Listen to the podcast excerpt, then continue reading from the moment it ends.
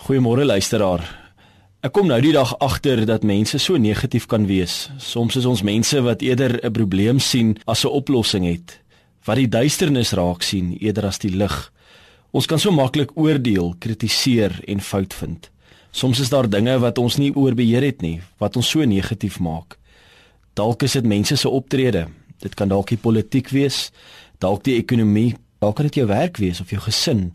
So maklik kan ons met woorde afbreek eerder as om op te bou. Ek wil vanoggend hierdie bekende verhaal vertel van 'n vrou wat iets leliks van iemand gesê het en sy het berou getoon en wou regmaak. Sy gaan toe na 'n wyse raadgewer vir advies. Hy sê toe vir haar dat sy 'n sak vol vere moet in die wind moet gaan strooi. Sy kom toe terug en sê dat sy dit gedoen het. Toe sê hy vir haar: "Gaan maak nou al die vere weer bymekaar en sit dit weer terug in die sak."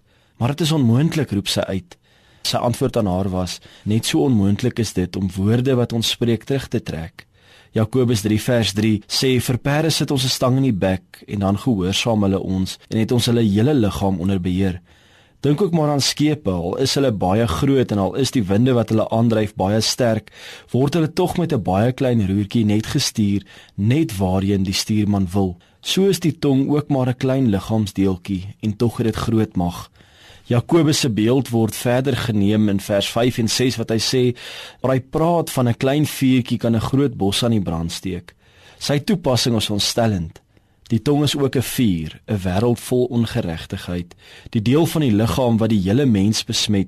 Dit steek die hele lewe van die geboorte af tot die dood toe aan die brand en self word dit uit die hel aan die brand gesteek. Daar is twee dinge wat ons onsself moet afvra vandag. Hoe lyk ons woorde? Woorde vir mense en woorde van mense. Ons woorde het groot krag. Augustinus het opgemerk dat vers 8 staan dat geen mens die tong kan tem nie. Slegs onder leiding van die Heilige Gees kan ons woorde lewe spreek.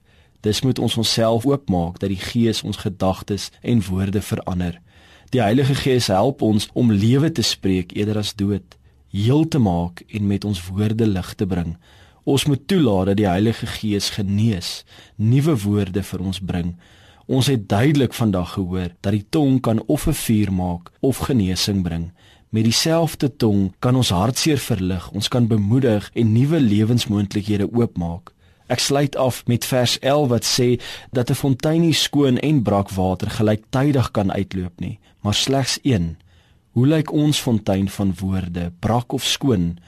Mag ons vernuwe word om al meer lig te bring met ons woorde. Mag jy vandag lewe spreek. Lekker dag.